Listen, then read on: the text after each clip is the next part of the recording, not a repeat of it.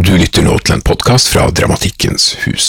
Mitt navn er Ole Johan Skjelbred. Jeg har gleden av å representere denne fortreffelige eh, foredragsserien vår. Eh, I dag har vi ingen ringere enn Lasse Marhaug eh, fra det høye nord som er med oss, direkte fra Vesterålen, for å bringe oss opplysning og glede altså, det går sammen her i en høy forening. Han skal gi oss litt kunnskap om den japanske støymusikeren Merzbau, som jeg kaller han. Han kan sikkert uttales på flere måter, men vær så god, ta imot Lasse Marhaug.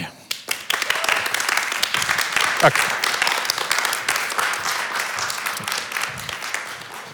Og han forsvant ut på andre siden. Men uh, sånn skjer. Ikke vær med, jeg meg. Jeg vil hjem til Østerdalen, ikke med på det. Veldig hyggelig at du er her. Jeg skal trekke meg ned av scenen. Jeg skal bare si at vi, uh, det blir litt spørsmål og svar uh, etterpå. Og det regner med alle kommer til å ha mange, mange spørsmål. Ja. selvfølgelig. Så det som jeg, jeg, jeg, ikke forklarer godt nok, kan dere spørre om etterpå. Um, det er helt ok. Um, ja, takk for at dere kom. Uh, jeg ble spurt om å, om å, ha et foredrag her, og jeg kjente jo litt til det her, som de foredragene som ligger på nettet, og hørte noen av de. Så gikk jeg tilbake begynte å høre på flere, og så lurte jeg på hva i all verden uh, hva skal jeg prate om. For um, ikke, Det er ikke noe problem for meg å stå framfor folk og snakke, men jeg er mer vant til å gjøre egenpresentasjoner. Jeg har uh, gjort mye av det. Og så har jeg gjort en del sånne intervju, og sånt, men jeg har aldri gjort et sånn vanlig foredrag. Så tenker jeg hmm, jeg må prøve, prøve å forkle en sånn egenpresentasjon som et foredrag. Så, så det er det jeg har gjort. Så da, da jeg skal prate om, er den japanske støykunstneren Merzbow. Bau. Um, uh, som er den absolutt ledende største artisten i det som kalles for støymusikk. Er det noen som har hørt støymusikk her? Det er, det er to, to, tre stykker. Ok, flere som har hørt. Fantastisk. Um, for det, det, er også det jeg sjøl er, er, nok assosiert med uh, her i, i, Norge. Så jeg må fortelle litt om meg sjøl først. Um, jeg er 47 år, er vokst opp eh, på et lite, en liten eh, utstikker i havgapet nordpå. Eh, mellom, eh, mellom Bodø mellom Lofoten så er det et sted som heter Steigen. Som ingen visste noe om før. Når jeg sa Steigen, så var alle sånn «Mm, ikke hørt om. Men nå begynner folk å ha hørt litt om Steigen. Men der vokste jeg opp. Der var det ingenting eh, av eh, kulturtilbud når jeg vokste opp på 80-tallet. Det var null niks. Det var ikke konserter. Det var ikke platebutikker. Det var ingen verdens ting. Men likevel så har jeg da hatt et helt liv eh, i musikkens uh, uh, tjeneste. Um, for det vi gjorde da, det var at vi tok, uh, vi tok hurtigbåten til Bodø, og så kjøpte vi musikk der. og på 80-tallet så var jo, var jo, ikke tilbudet så veldig stort. Så, så det man kunne like man, Jeg måtte liksom velge, følte jeg. Jeg måtte velge, Skulle høre på popmusikk sånn eh, Wham og Modern Talking, eller skulle jeg høre på metal? Det var, liksom, det var to sånne valg liksom, i skolegården. egentlig. Og så syntes jeg de så litt kulere ut, de som hørte på, på metal-musikk. Det var, litt, det var, litt, mer gøy med metal enn med, enn med sånne rosa sokker. og sånne ting. Så, så, da, så da, begynte, ble jeg opptatt av, det, for jeg hadde en voldsom uh, musikkinteresse. Det var noe med, var noe med musikk. Um, og, og, og, sånn. Men det var ingen plass jeg opplevde det. Liksom. Så, så, det ble at, at jeg må på en måte konstruere, eh, konstruere den musikkverdenen sjøl. Man var liksom sultefòra. Så jeg dro til Bodø med de lommepengene jeg sparte opp, og så kjøpte jeg eh, metal-plate og alt sånt. Og så, og så, bygde jeg opp en sånn musikkinteresse gjennom eh, barndommen og inn i de tidligere tenår. Eh, og, og, jeg ble liksom jeg merker jeg ble liksom jeg var mer interessert enn vennene mine i å ta det, det musikalske Å gå lenger. Hvis, jeg, hvis jeg hørte på, på et band som var veldig kult og tøft, så er det sånn, ja, men går det ikke an å ta det enda lenger? Går det ikke an å ta det enda lenger? Går det ikke an å liksom, Hva er, hva er forbi der? Hva er, liksom, hva er, hva er over den, den, åsen der? Går det an å ha det raskere? Går det an å ha liksom, enda mer liksom, eh, eh, lyd? Uh, så, så det jeg begynte da, det var at jeg, jeg kjøpte, jeg kjøpte sånne um, jeg kjøpte sånne norske musikkblader, og der var det sånn rubrikker for, uh, for, um, for sånne andre musikkinteresserte. Da. Så jeg klarte å komme i kontakt med et slags undergrunnsnettverk av, av metal og hardcore og punk og sånn rockerelaterte uttrykk. Uh, der. Og der var det liksom at man kunne Det var en slags fanzine-byttekultur. At man kunne bestille fanzine. Der kunne man bestille en kassett. Så, så jeg, jeg, satt der og begynte å, å, bestille og kommunisere med folk fra hele, hele kloden. Um, jeg skrev brev til folk i, uh, i Øst-Europa, Russland. Uh, uh, Japan, USA, alt mulig sånt. Jeg satt oppe i et havegap. Jeg har aldri vært på en ordentlig konsert. Og var plutselig, liksom, plutselig var en hel sånn verden som åpna seg via posten via posten. Så jeg kjøpte plater, jeg kjøpte kassetter. Uh, og det var via det at jeg oppdaga eksperimentell musikk. Uh, for det var, det, alt det her var liksom sånn Det var rockebasert. Rock liksom, metal og hardcore og punk og liksom, band. liksom. Og en del av de jeg kom i kontakt med, med først, var de som gikk videre til å bli norsk black metal-musikk. De, de, gikk den veien da. Så jeg, så jeg var liksom i denne smeltedigelen av, av av den, den, en slags ekstrem, ekstrem undergrunnsmusikk. Men jeg var, jeg var, mer interessert i liksom når Ikke det der uh, bandet, liksom. For jeg hadde ingen å spille band med. Jeg hadde noen kompiser, de spilte band, men var liksom, de var litt for streit. Jeg, liksom, jeg har lyst, på litt, litt, mer, liksom. Så, så da jeg begynte å lage liksom, min egen slags sånn, uh, soveromsversjon uh, av det der hjemme på kassettspilleren Jeg begynte å lage uh, støy med de det stereoanlegget som jeg hadde, hadde um, fått fra mine foreldre. Jeg, fant ut at jeg kunne, kunne bruke, jeg kunne bruke Uh, du kan bruke et gammelt headset kan du bruke som mikrofon. og Så kunne du vrenge det, og så kunne du trykke på pause. gjøre et opptak, trykke på pause. Sant? Plutselig så jobba du med tid. Du kunne dele opp tid. Du kunne, du kunne, du kunne ta grep om, om, om, formen. Så jeg begynte å, å lage sånne, uh, sånne støykassetter. Jeg fant det opp for meg sjøl, rett og slett. Da hadde jeg ingen idé om, om liksom at det var en lang tradisjon for det her. Jeg kom fra, jeg kom fra punk og, og, metal, og så måtte jeg ut fra det så, så utvikla jeg eh, støymusikk. Så jeg fant opp eh, musikken for meg sjøl, og så fant jeg ut oi, der ute er det jo virkelig eh, masse sånn, og det er en lang tradisjon, og det er masse, masse musikk. Og et navn som, eh, som eh, da utmerka seg som begynte å dukke opp når jeg begynte å kjøpe kassetter med, med mer sånn støymusikk. Jeg pusha hele tida. Det var det der navnet der. Merzbau, eller Merzbau, som man sier på engelsk. Og jeg var sånn, hva, hva, er det for noe? Det begynte å dukke opp, og det begynte å dukke opp. Og til slutt så var det noen som eh, eller til å starte med, så var det noen som i Tyskland som sendte meg en hel kassett hvor det bare sto Merzbau på.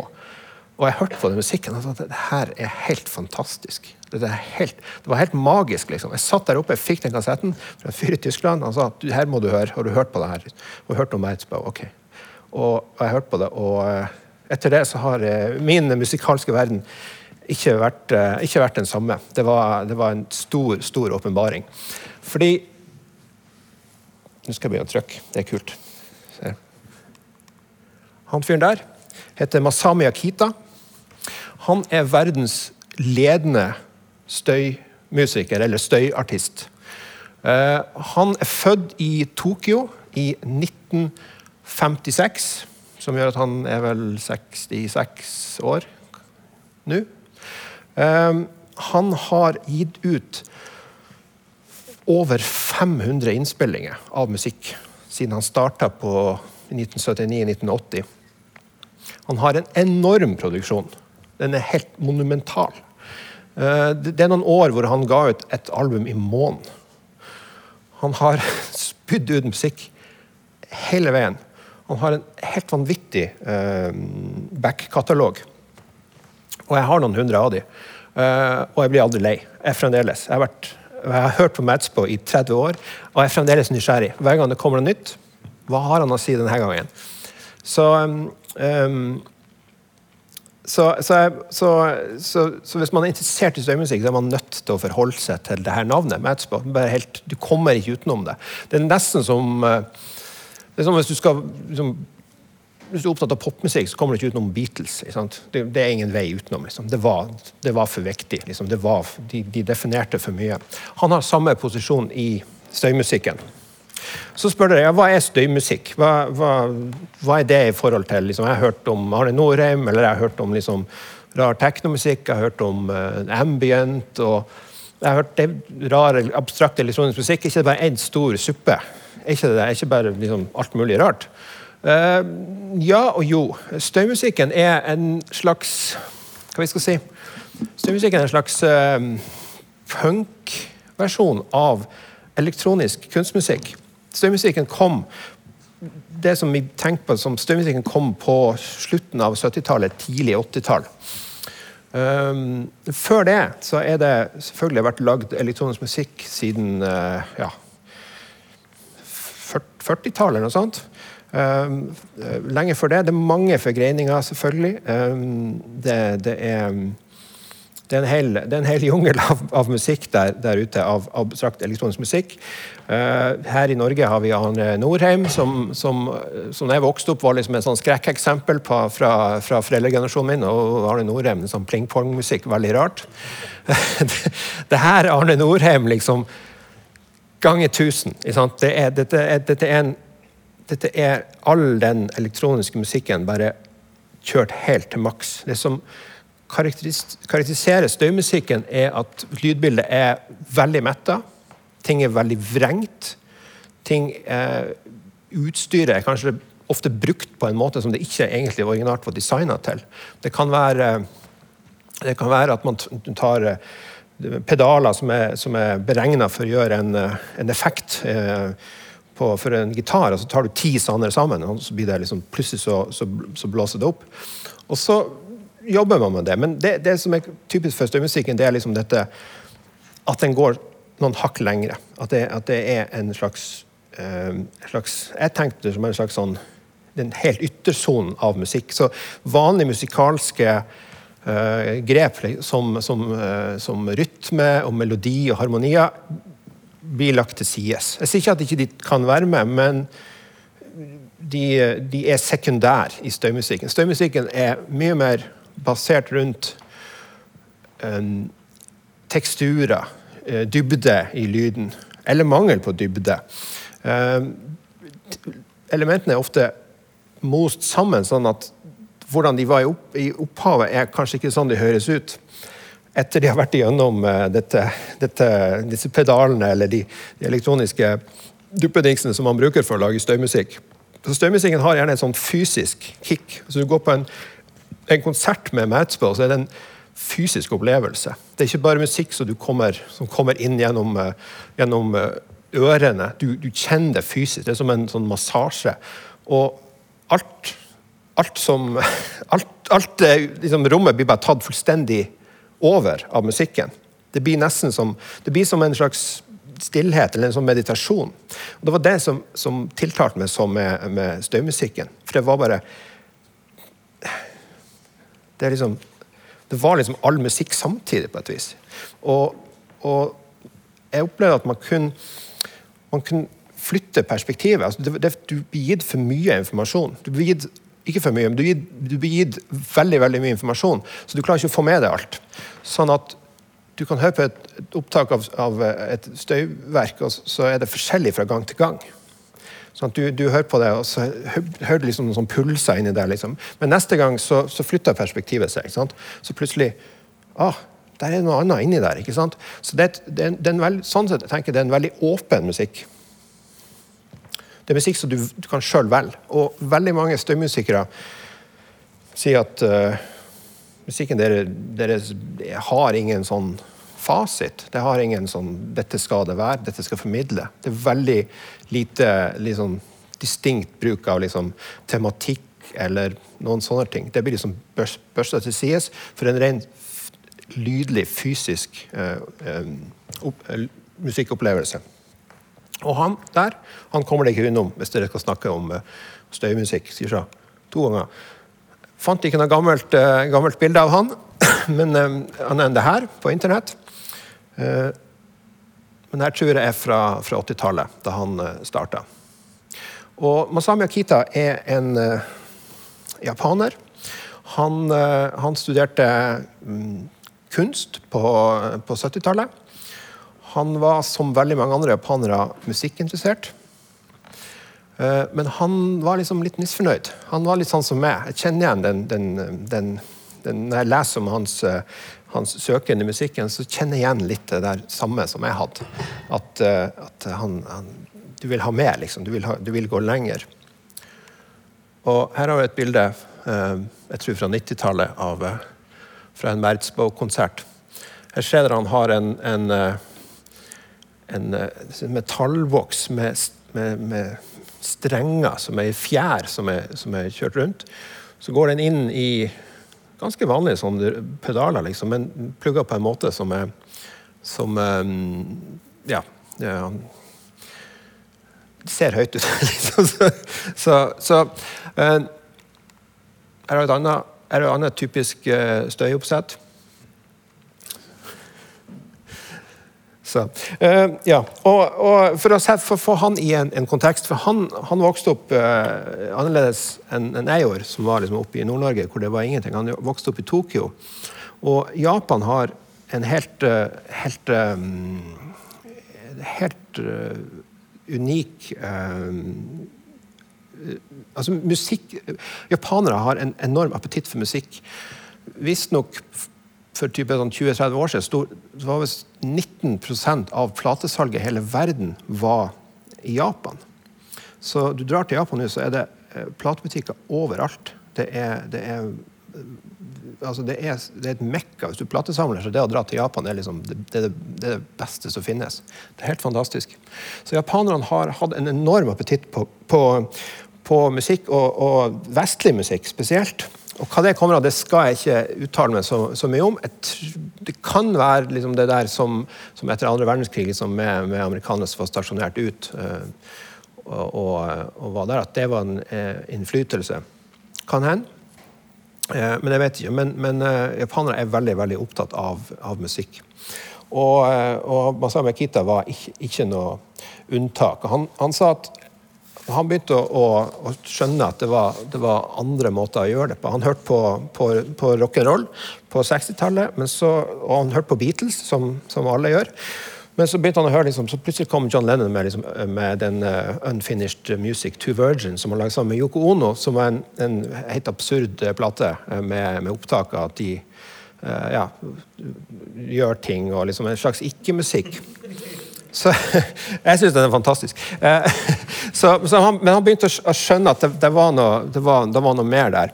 En annen ting han har sagt at han var, var opptatt av, var, var jazz. Frijazzen var, var, viktig. Det med improvisasjon.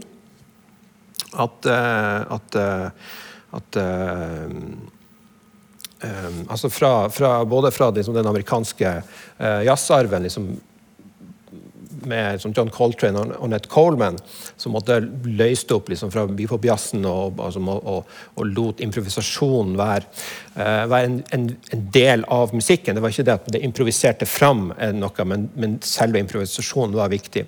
Så, så det var også en, en innflytelse på, på Masai Makita.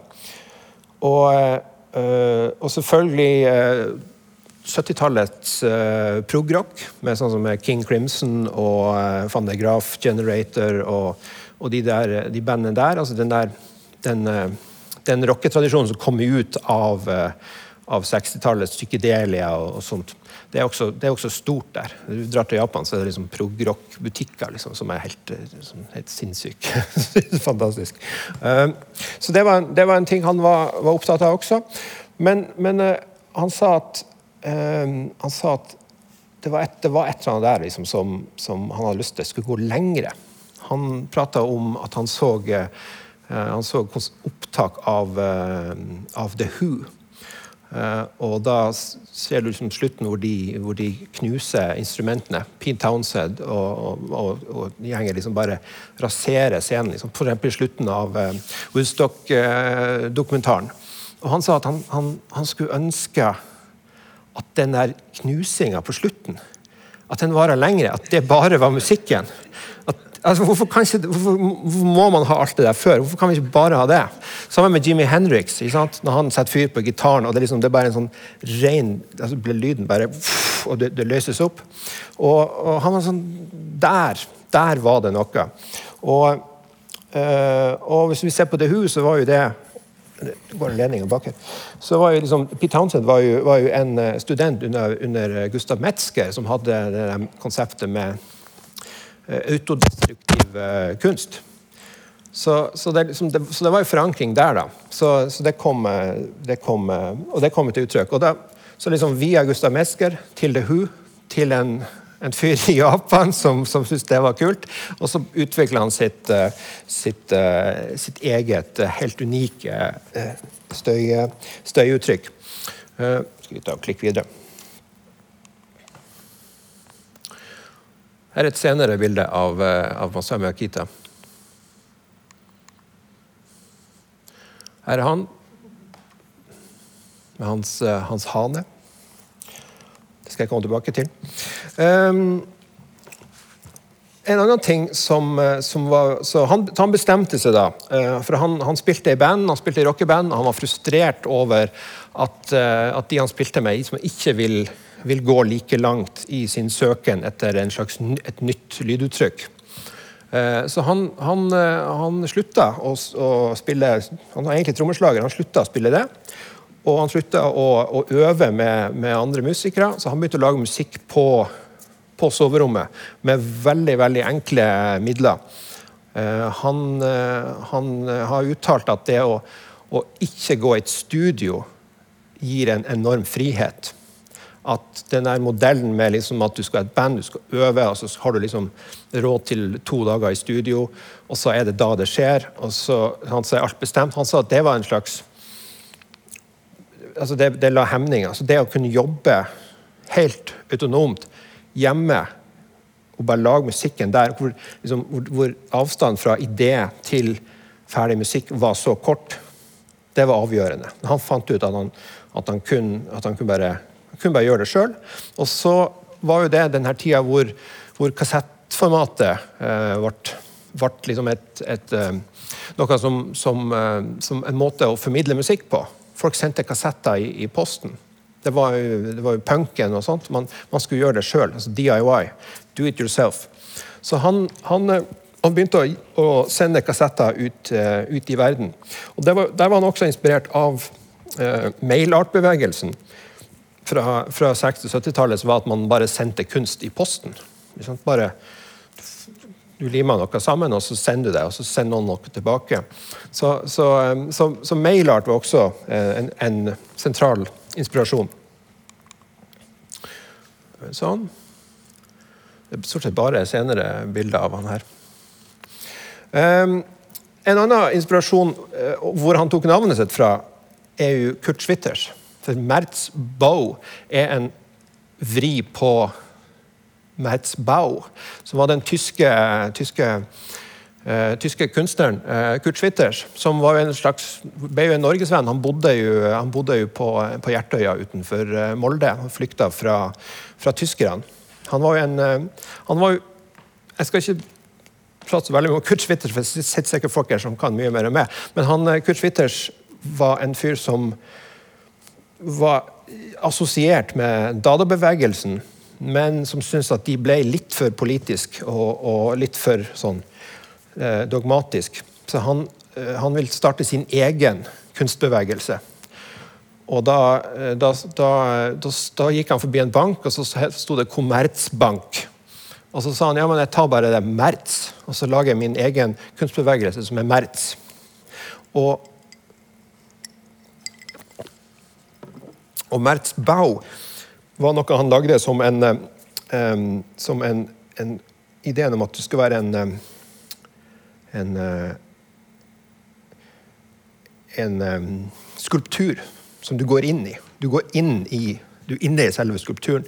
Og Kurt Schwitters drev på og spikra og begynte å lage ting hjemme. Han, han gjorde hjemmet sitt om til en, til en, skulptur du gikk inn i. Han, han flykta jo da fra fra, fra tyskerne og, og bosatte seg her, og, og bygde et, eh, et, et Merzbau like utfor ut utenfor Oslo her. eh, som brant ned på 50-tallet, dessverre. En, av, en helt tragedie at det ikke ble bygd opp igjen. da. Men uh, nå uh, vil, nok det ha blitt, tatt bedre vare på enn, en man gjorde i Norge på 50-tallet. Så, så Masai Makita var veldig opptatt av uh, Kurt Schwitters, og han mente han kunne ta det Kurt Schwitters gjorde med, med sine fysiske kollasjer og papirkollasjer, han, han kunne overføre det til, til lyd. Og han sa at han, han ønska å lage en primitiv urmusikk for den moderne by. Så de, de første Maudsboene var en slags, en, slags, en, en slags, pervertering av, av, alt det som var i byen. At liksom, Støymusikken var et slags resultat av, eh, av den, den, moderne byen. Og Du kan tenke til Tokyo liksom, med 30, 30 millioner eller noe sånt. Eh, så har du lyst til å bare stenge ute og bryte gjennom. Og bare måtte lage ditt eget, eget, uh, eget rom. Uh, han var også inspirert av, uh, av selvfølgelig surrealisme. Han var opptatt av poesi. Han hadde som sagt en veldig bred musikalsk musikalsk oppdragelse. Så han, så, så, så han, kom til det her liksom med veldig mye kunnskap. Og mente på at ok, bare strippa det ned. Vi trenger ikke å, trenger ikke å gjøre det størt og fancy. Og han, han, han skal, ønsker å lage en slags sånn antimusikk. En slags primitiv urmusikk, som han, som han, sier. Og han insisterte også på, selv om alle disse her tingene influerte han, så insisterte han på at hans musikken ikke skulle ha noe fasit. Det var ingen, ingen regler. Altså han, han, han fraskrev seg alt fra postmodernisme og, og, realisme. Han mente på at alt det var, liksom, var sausa i hopen. At støymusikken var en slags, eh, en slags, et slags subversivt uh, uh, svar på, på, teknologien og på, på mennesket. Uh, i, i, etter andre verdenskrig. Så, og der, der, er det jo en, en, annen, en, annen, ting som han var opptatt av, som en annen referanse, som er wienerraksjonistene. Eh, som på 60-tallet var, var, en, en, kunst, eh, kunstbevegelse som, som, eh, fra Østerrike som, som, måtte ta et oppgjør med Følte de måtte ta et oppgjør med arven etter andre verdenskrig. Fordi at de mener på at I Østerrike så gjorde man ikke det i samme grad som, som, som man gjorde i Tyskland. At, at de de som liksom marsjerte rundt på 40-tallet, fremdeles, de, de, tingene satt fremdeles i veggene. Så wienerraksjonistene begynte å Deres idé var at de skulle, de skulle, ta maleriet ut. De skulle ta det ut i det fysiske, fysiske rom. Og de skulle, det å gå over grensa var, var veldig viktig. Uh, så de begynte å gjøre helt ekstreme performancer med, med, med, kjøtt og blod og avføring og, og slike ting. Eh, det gikk, eh, det gikk jo ganske forskjellig med de. Eh, det var jo fire hovedkunstnere der, og den ene tok livet av seg. Den ene starta et, et sånn han, han, sa fra seg kunsten. Otto Mühl het han. Han sa fra seg kunsten og, og starta mer et sånt sosialt eksperiment med, med, et, med, å starte et kollektiv. Det gikk veldig dårlig. Han havna vel i fengsel uh, før han døde for noen år siden. Uh, mens, uh, mens to andre der gikk mer i kunstens retning. Herman Nitsch og Gunther Brus. Så de var òg viktige for, for Merzbø, og han kalte opp sitt første album, 'Material Action 2', etter det de gjorde på 60-tallet, som de kalte det for Når de gjorde sine, sine kunstperformances, kalte de det for 'Material Action'. Du gjør et eller annet med et materiale. Og han overførte det da til, til støymusikken sin. Så det var òg en, en, inspirasjon. Og da kommer vi inn på det der med, med, med, med liksom det der eh, fysiske og det, og det subversive. Så tidlige på ting brukte også mye pornografi. Eh, han hadde en idé om at det skulle være en lav form for kunst. Du skal bruke liksom søpla, du skal bruke det stygge, det ekle, liksom, til å på en måte lage noe, noe nytt. Uh, senere har han gått bort fra det, og det skal vi prate om litt, uh, litt senere. Uh, han har faktisk gjort veldig stort, en veldig stor forandring på det der. Så, så, så, så da Mespo begynte å, å, å, spy ut kassetter. Og og i likhet med meg, så, så han gjorde det mange år før meg, så begynte han å kommunisere med folk fra hele verden. Og han var ekstremt produktiv. Han lagde samarbeid med artister fra hele verden. Veldig mye liksom, Gjør det. Videre, videre, videre. videre, videre. Så, så, sentralt i den Mertzbo-estetikken så var det at det skal ikke være noen idé om at, det, at, at en idé skal, skal uh, destilleres eller ferdigstilles eller perfeksjoneres. Han sier at, at dere, man, det er ikke interessert. Det er ikke interessant. Han, han, er interessert i ideen og dokumentere den. Dokumentere prosessen av den. Som er en form for improvisasjon, og som liksom, du bare får disse ideene ned, og ikke, ikke finpusse så mye på det. Og Det er forklaringen på hvorfor han har gjort så enormt mange eh, innspillinger som han har, har, gjort. Han sitter ikke og, og, og gnur på det eh, i håp om at det skal bli eh, bedre. Og jeg, jeg synes, For meg er det veldig viktig det der. Det der med å stole på ideen. Eh, for det er alltid andre som kommer og finpusser senere. Og det er mange som har lagd ting som, som bygger på, på, det han har gjort. Eh, men det er ikke like bra ofte. Det er noe med det der hvor liksom, Når jeg hører på Merspa, så høres det så utrolig spontant ut. Det, høres så, det, er, så, liksom, det er så usminka, det er så åpent. Det er bare sånn, Der er ideen, liksom.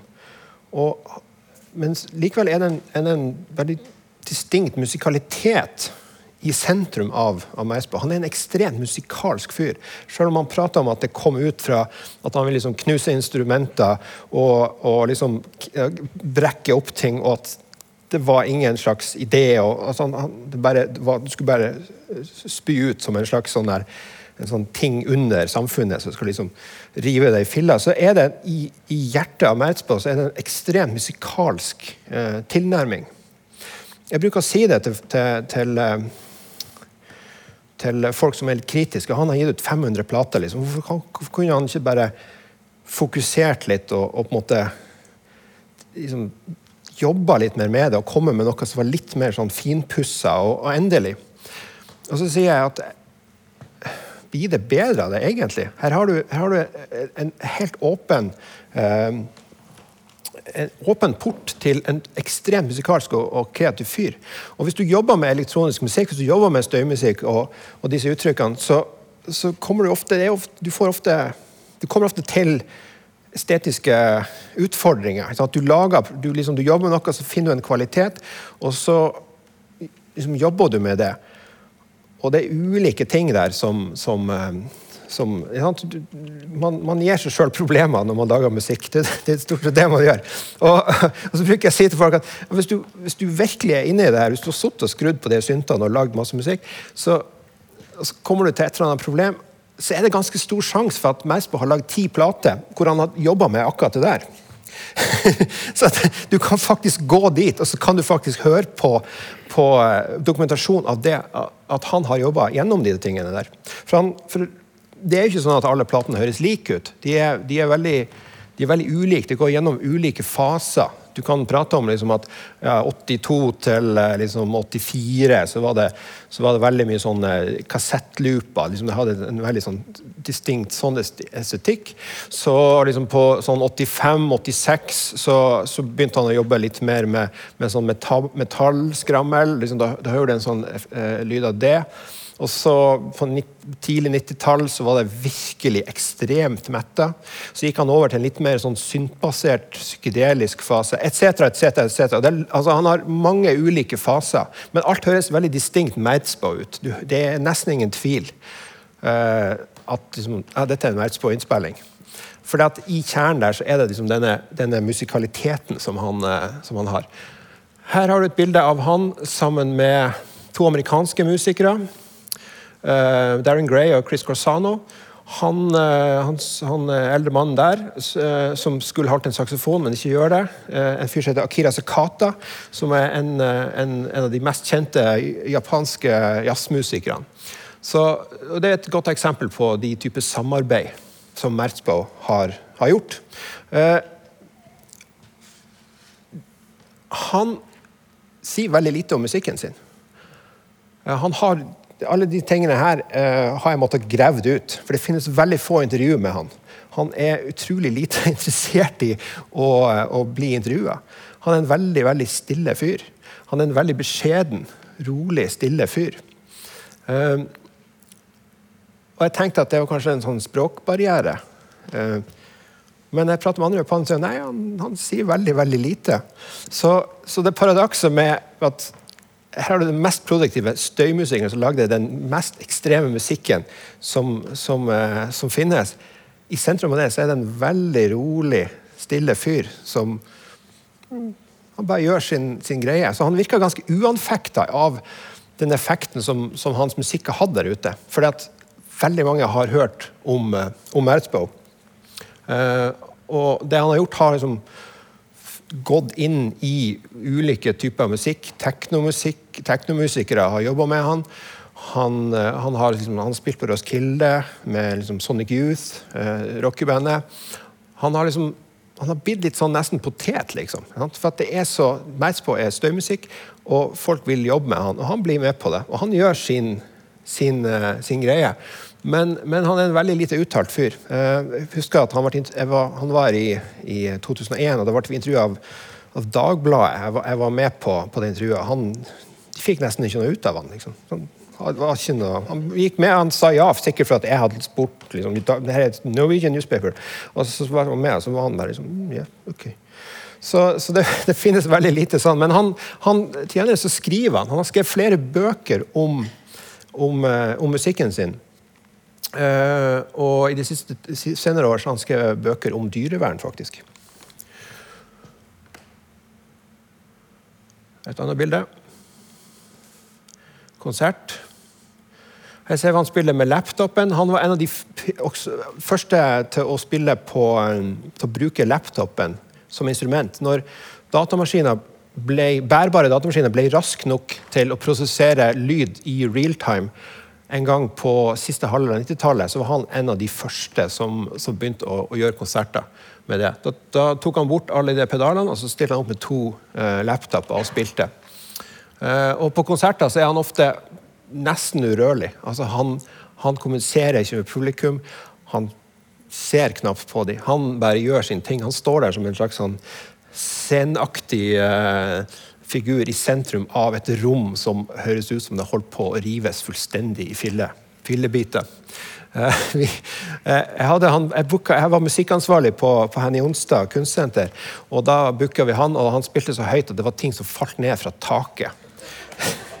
så, det, var, det, var helt, det, var, helt, utrolig. Han, han, men, er, men støymusikk er jo ofte Støymusikk er jo for meg er støymusikk å spille på et rom. Det, er lyd som kommer ut av en høyttalerflate som treffer et rom. Så du spiller på rommet. Så selv om du har lydene dine på en, en, en datamaskin, og den lydfila er den samme som fra kvelden før, så vil det i ethvert rom vil det være ulikt. Det vil oppstå noe nytt. Um, så, så, så, som sagt, støvmusikere benytter rommet. Eh, når jeg gjør mine konserter, så liker jeg ikke sånn som jeg står nå. Nå står jeg bak høyttalerne, så jeg hører ikke det samme som dere hører. Eh, når jeg gjør mine konserter, så vil jeg gjerne sitte der, og så vil jeg høre det samme som publikum hører. For at hvis du skal jobbe med så, så sterke altså jeg, jeg må oppleve det som publikum også opplever. Spesielt hvis man jobber med, med høye volum og en fysisk bruk av lyd, så er det veldig delikate ting som, som foregår. Um, så da vil man gjerne høre det. Så, så, ja, han har gjort veldig mye konserter også. Eh, og eh, jeg var med og fikk han til Norge i, i 1998. Da spilte han i Bergen og spilte han i Oslo. Men før det så lagde jeg en, en syvtommersingel med han i 1995. Og Da hadde jeg liksom vært fan noen år. Så fant jeg ut at du kunne faktisk bare skrive til fyren, og så skrev han tilbake. Så jeg, så jeg, jeg hadde, jeg liksom, hadde, gjort en del sånne uh, kassettutgivelser og sånt, og så, så fant jeg ut at nå skal jeg, liksom, skal jeg gjøre en, en vinylsingel. Og på den tida så var jo vinylen død. Så, ikke sånn som nå, hvor liksom platekompaniet og alt liksom, og det var en sånn ny vinyl-reviver. Da, 1994-95, så var det, det, var det vinylen var død. Norske uh, vinylpresserier var liksom demontert og, og uh, pakka bort. Og hvis du skulle trykke vinyl da, så måtte du til Tsjekkia. Uh, og Der var et, en stor fabrikk som, uh, som fremdeles er operativ nå, da, som, som, som trykte vinylsingler for en billig penge. Faktisk veldig billig. Så jeg fant ut at min første utgivelse skulle være en, en singel sammen med han. Vi lagde en singel, en splitt-singel, hvor jeg var på ene sida og han på andre sida. Og Jeg skrev til han, og han, i løpet av mindre enn to uker så fikk jeg hans mastertape i posten. Så trykte den i Tsjekkia. 550 X. Uh, og den solgte jeg ut sånn. Jeg fikk, uh, fikk faks fra en distributør i USA som ville ha 200 eksemplar. så Det solgte jeg ut i løpet av en måned. Så, så, så min splitsinger med, med Merzbow i 1995 var, var, på en måte startskuddet for, for min strøm av utgivelser. Jeg har ikke nådd 500 ennå, og jeg stresser ikke med det, men, men, men da, var, da, var, det etablert.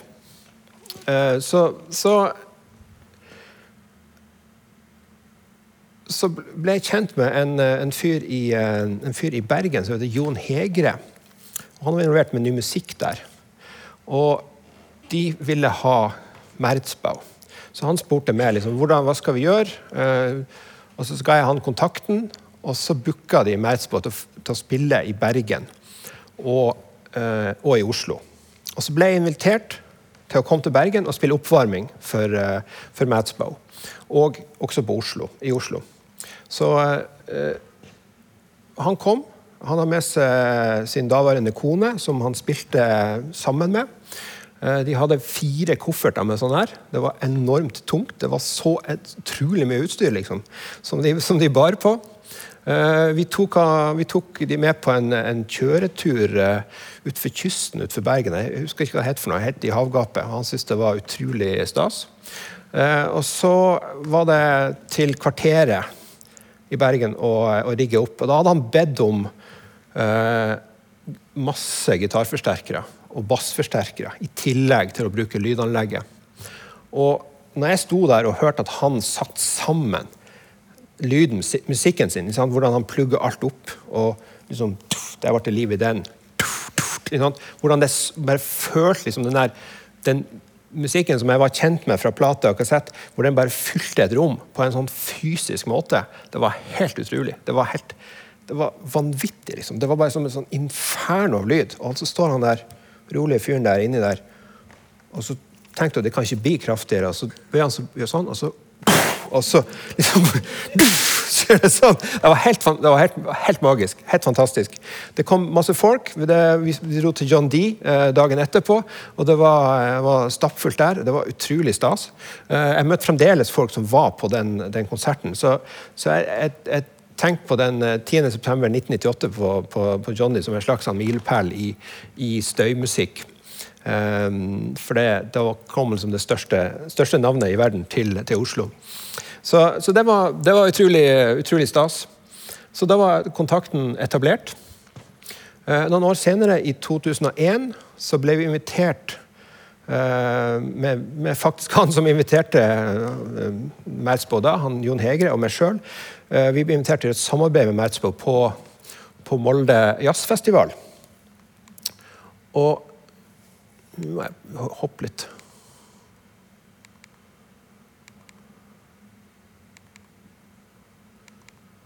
Her er et utvalg platecover. Jeg skal klikke meg til det Molde-greia, men det er 80 bilder til. Det er ei plate jeg gjorde med han, eh, han, eh, som vi spilte inn i Tokyo litt senere. Jeg skal fortelle om det også.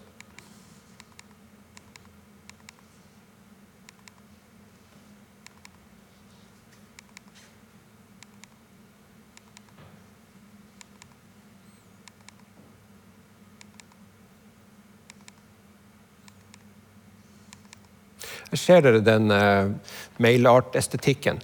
Hvor liksom, man, F.eks. at man sender noe gjennom en kopimaskin dobbelt opp. Du har ett bilde fra en avis, eller hva det skal være, og så kopierer du det gjennom. og Så tar du papiret tilbake igjen, og så har du et nytt bilde. Den der collage-metoden eh, Det tror jeg er et bilde av han. Så er det eh, japanske avisannonser, tror jeg.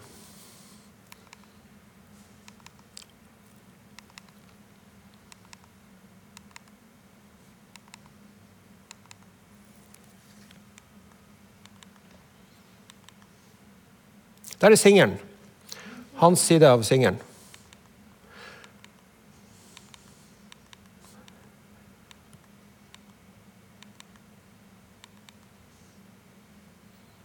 Lowest Music var noe han brukte ofte eh, på, på 80-tallet. At det skal være en slags antimusikk.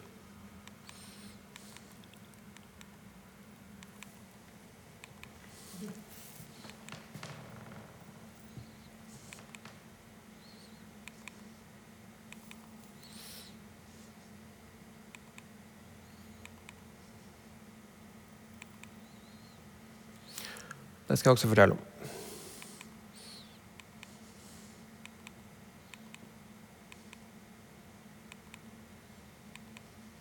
Her.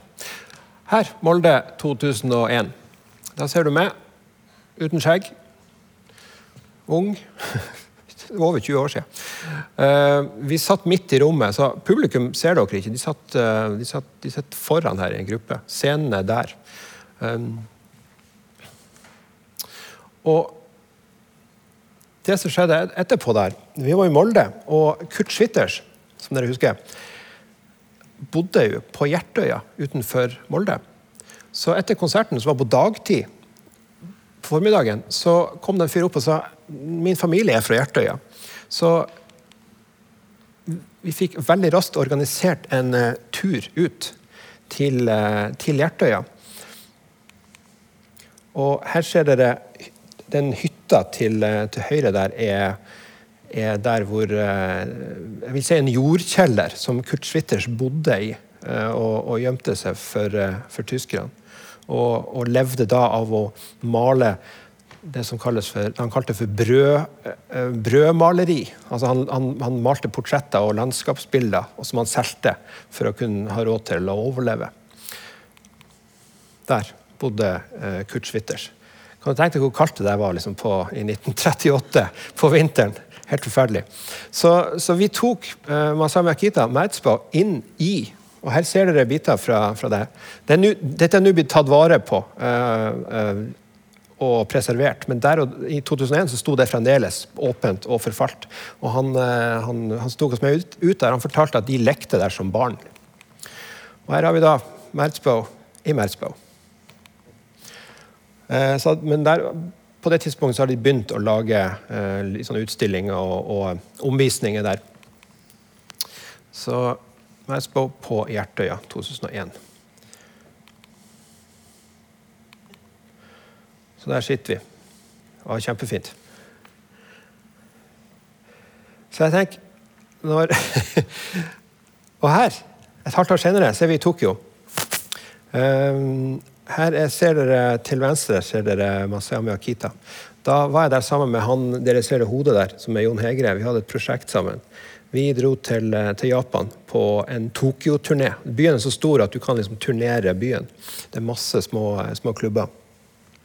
Eh, og eh, Masami Akita inviterte oss med på eh, en sånn hel, helnattskonsert det var, I Japan så er det sånn Tokyo er så stort at du kan ikke, du kan ikke eh, Hvis du er stuck et sted når, når T-banen slutter å gå, så kan det være at det er fire timer å gå hjem. For Tokyo er så stort.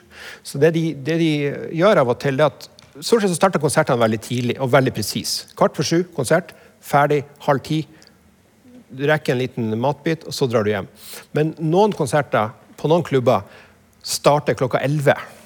Fordi at de som kommer dit, de er hele natta. Så, så konserten starter fra 11, den er ferdig klokka 5 på morgenen. Eh, og det var vi invitert med på. På et sted som heter Klubb Milk, som, hadde, som var en ganske liten, uh, liten, klubb, men som hadde et Halve rommet var et lydanlegg. Altså det var helt, helt fullstendig overdimensjonert og fantastisk bra. Og, og Da var det en serie med, med konserter med bl.a. med Mertzbau, Så Madsbo med et, et sånn uh, rock-stoner-droneband som het Boris, som nå er ganske stor og kjent. Uh, så var det Madsbo sammen med Her er det et sånn death metal-band som heter uh, Defiled. Så de spilte han sammen med. Og så spilte vi sånn type halv fire en sånn, på natta. Jeg husker det satt folk og sov i trappenedgangen der. For, for at liksom, man blir jo trøtt. Så, men, men, man kan ikke dra hjem. Så du drar på sånn her. Så seks timer med, med, med heftig støymusikk før man vakler ut eh, på morgenen. Eh, og, så, og, og, det var liksom konsert på konsert med death metal, støy altså det var bare Alt var liksom skikkelig maksimum. Og så til slutt, på helt sånn klokka eh, ti, kvart på fem, så fikk vi beskjed Nei, nå skal alle på scenen. Alle bandene skal på scenen. og jeg husker jeg spilte, Da spilte jeg på, på en laptop. Jeg husker at den, den, den, det bordet den sto på, det vibrerte så mye at jeg måtte, liksom, jeg måtte holde den ned. Jeg måtte holde laptopen ned for å liksom kunne, kunne liksom få kontroll på. Hvis ikke så bare ville han ramle av. Liksom hele rommet vibrerte. Det var en ekstremt fysisk uh, opplevelse. Um, og så bare og Det var neste dag vi skulle fly hjem, så det var siste dagen av denne uh, Japan-turneen. Uh, Japan så uh, etter det så har jeg vært i Japan en del ganger, men så begynte jeg å jobbe på Henny Onsdag kunstsenter som musikkurator i 2009. Og det året eller året etter, jeg husker ikke helt, eller var i 2011, så var det ei utstilling med nettopp Kurt Schwitters. Og da tenkte jeg det er jo perfekt. Da må vi invitere Masami Akite til å komme og gjøre en, eh, en Matsbow-konsert. Og det var kjempesuksess. Det var helt, eh, helt stappe fullt med, med, folk, og han spilte. og det, ting falt ned fra taket, men stemninga var utrolig rolig. Folk satt på gulvet, noen la seg ned og bare forsvant inn i musikken.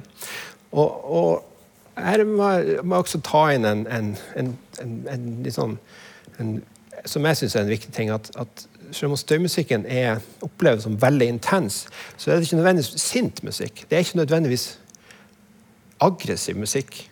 Det er ikke nødvendigvis et sinne som, som, uh, som uttrykkes. Det er for meg så er det en forskjell på, på musikk med altså, Som jobber med energi. Trenger ikke å være sint. Det, det, det, blir som om du har en, en eh, altså Det blir som en naturopplevelse. Du står med en foss. Det er fullstendig øredøvende, liksom, men det er ikke noe, nødvendigvis liksom, noen sånn følelser eller noe sånt som, eh, som, blir, eh, som, som blir uttrykt.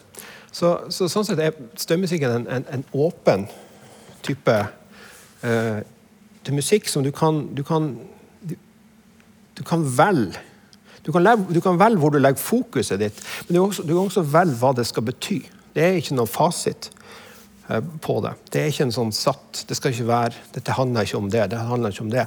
Man, man lager musikk fordi at det er ting i lydene, og det er med det å, å gi det en form som, som pirrer et eller annet. Som, som, som ja, man får, liksom, det, er et eller annet, er der.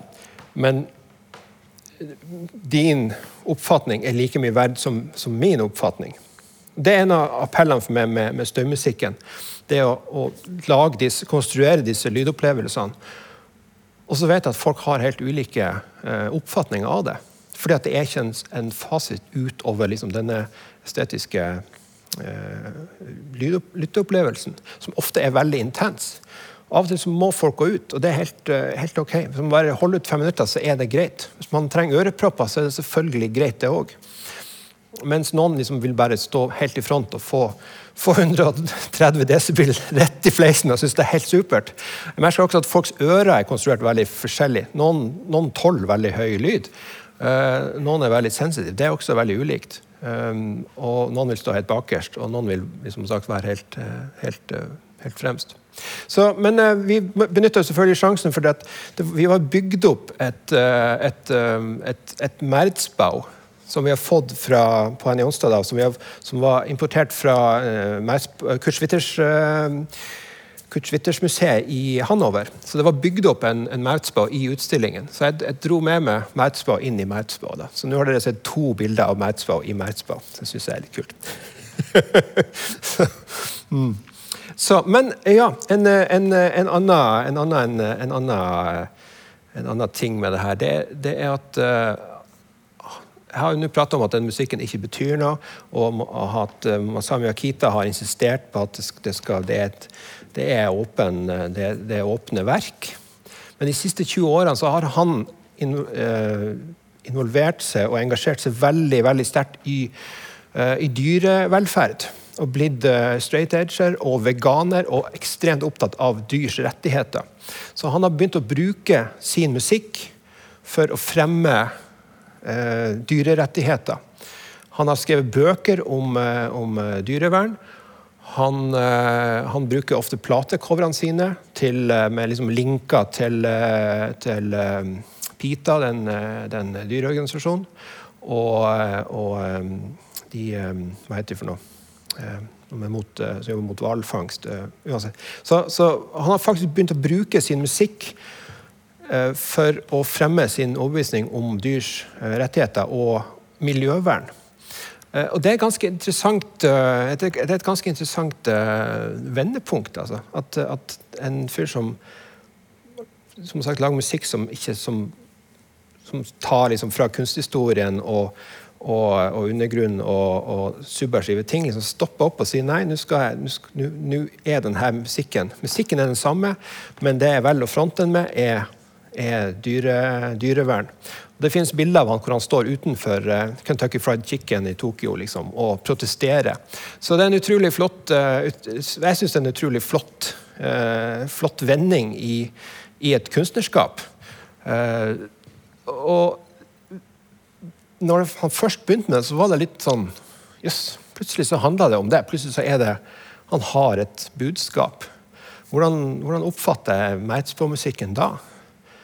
Men jeg syns det, det, har vært veldig fint, for jeg syns at, at det, er noe, det, er noe, flott med de, de verdiene som han, han, han fremmer. Og, og, jeg kan fremdeles lytte på Meitsbo-musikken. Både i sammenheng, men også separat fra det. Meitsbo-musikk er fremdeles uh, Meitsbo-musikk for meg. Så, eh, så det, har vært, eh, det, har vært, eh, veldig interessant. Og han fortsetter eh, fremdeles. Han gir ut plate annenhver måned. Og jeg kjøper de, så hver gang jeg ser en ny Verso-plate, så må jeg ha den. Og jeg har prata med andre sånne samlere, og vi har sånn Nå har vi ganske mange hundre, liksom. Det må være nok. Og så var en, en, en komponist jeg kjente, som sa Can't stop now! Liksom.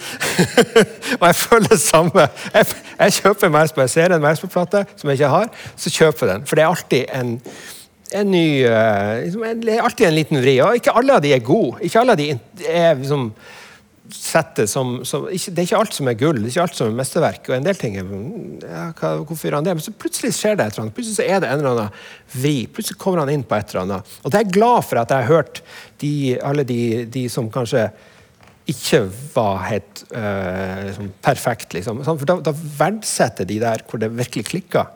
Og så innser jeg at liksom, um, kanskje jeg burde gå tilbake og høre på de på nytt igjen. Liksom. Kanskje jeg missa noe. Så, så, for meg å, å være en sånn Merzbow-fan og samler er, er en Uh, ja, det kan være en heltidsgeskjeft. Det går litt i, i bølgedaler. og sånt. Uh, man har liksom perioder hvor jeg, hvor jeg, hører veldig veldig mye på det.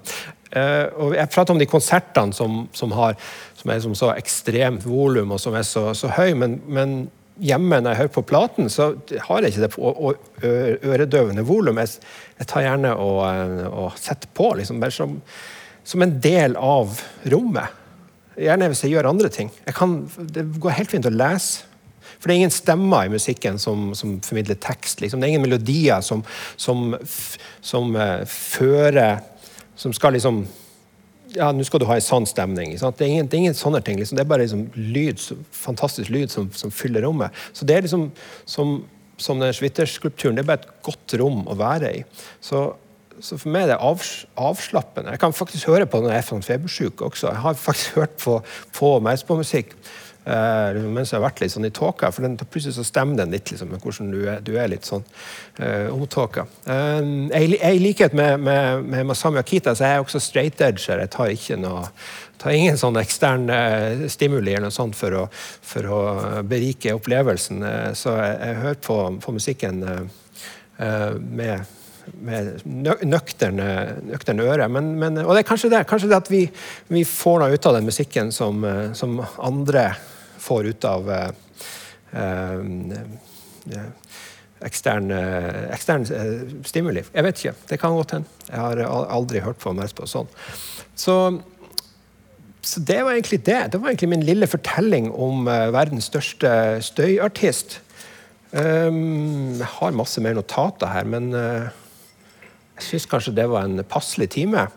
Og uh, dere har kanskje noen spørsmål? Nei. Det, det, var, det glemte jeg å si. Jeg, kom, jeg, valgte å ikke spille noe. For, fordi at det er tidsbasert musikk. Så Hvis jeg spilte tre minutter, så vil dere få, få feil oppfattelse av det. Det er et poeng faktisk å høre mest på musikk over tid. Du, du trenger å la, la, den få komme inn. Du må forbi 10-15-20 minutter. Når han spiller konserter, så spiller han gjerne en time eller en og en halv time. Det er lange konserter. Så den jobber med, med durasjon og med tid på en måte som Hvis du bare spiller et halvt minutt, du mister det. For da får du en sånn sjokkeffekt, og så, og så men så, da mister du egentlig hva, hva den musikken faktisk gjør. Og det er, en, Et sitat er jo, er jo eh, komponisten og, og filosofen John Cage, som er at hvis noe ikke funker på hvis ikke noe funker på, på to minutter, så prøv det på 20 minutter. Eller prøv det i to timer. Så, så, det med, med perspektivet ditt, hvordan du oppfatter ting, endrer seg over tid. Og, og støymusikk spiller på det. Og mest på spesielt eh, med hans veldig musikalske tilnærming, og ofte ganske eh, lave eller liksom seige tempo. Mesbo har et slags, Selv om det skjer veldig mye, så, så jobber han veldig um, sindig med, med sekvensene. og han, Du hører at han ut, ut, uh, utforsker uh, lydrommet sitt. Han stresser ikke for å brenne opp alt. liksom. Og jeg husker når vi, når vi øvde med han til den Molde-konserten, så, så, fikk vi lov å øve her på, på, på Blå uh, en formiddag. Og De plugga oss opp, og vi spilte liksom et par timer. eller noe sånt. Og så spurte han etterpå hva du syns. Var det OK? liksom, hvordan... Så han Play slower, sa han. Det var det eneste. Han syntes det var fint. Lydene var bra, men ta ned tempoet. Uh, så Derfor så vil jeg, hvis dere skal høre mer, så gå hjem og sjekke online. Det er overalt. Uh, på YouTube er det masse klipp kommentarene på YouTube er veldig morsomme. For det er folk som bare klikker seg inn på det, og så fatter de ikke at det er musikk. og, og bla bla bla. Så det er mye sånn morsomme kommentarfelt. det, han gjorde en, en konsert på, i Boiler Room-serien som er veldig sånn proft, uh, med flere kameravinkler og sånn. Uh, og som, som, var en veldig sånn stor hadde en veldig stor plattform. Det kom vel ut til veldig mange. så det liksom sett av sånn 100 000 og sånn. Eh, så den Boiler Room-konserten av Meisvo er ganske fin, for du ser hva han, hva han gjør. Men den, den kommentarrekka der er helt, uh, helt innsides. Um, ja. Det var det jeg hadde å fortelle om uh, støymusikk og, og Merzbow. Takk. Du har hørt en podkast fra Dramatikkens hus.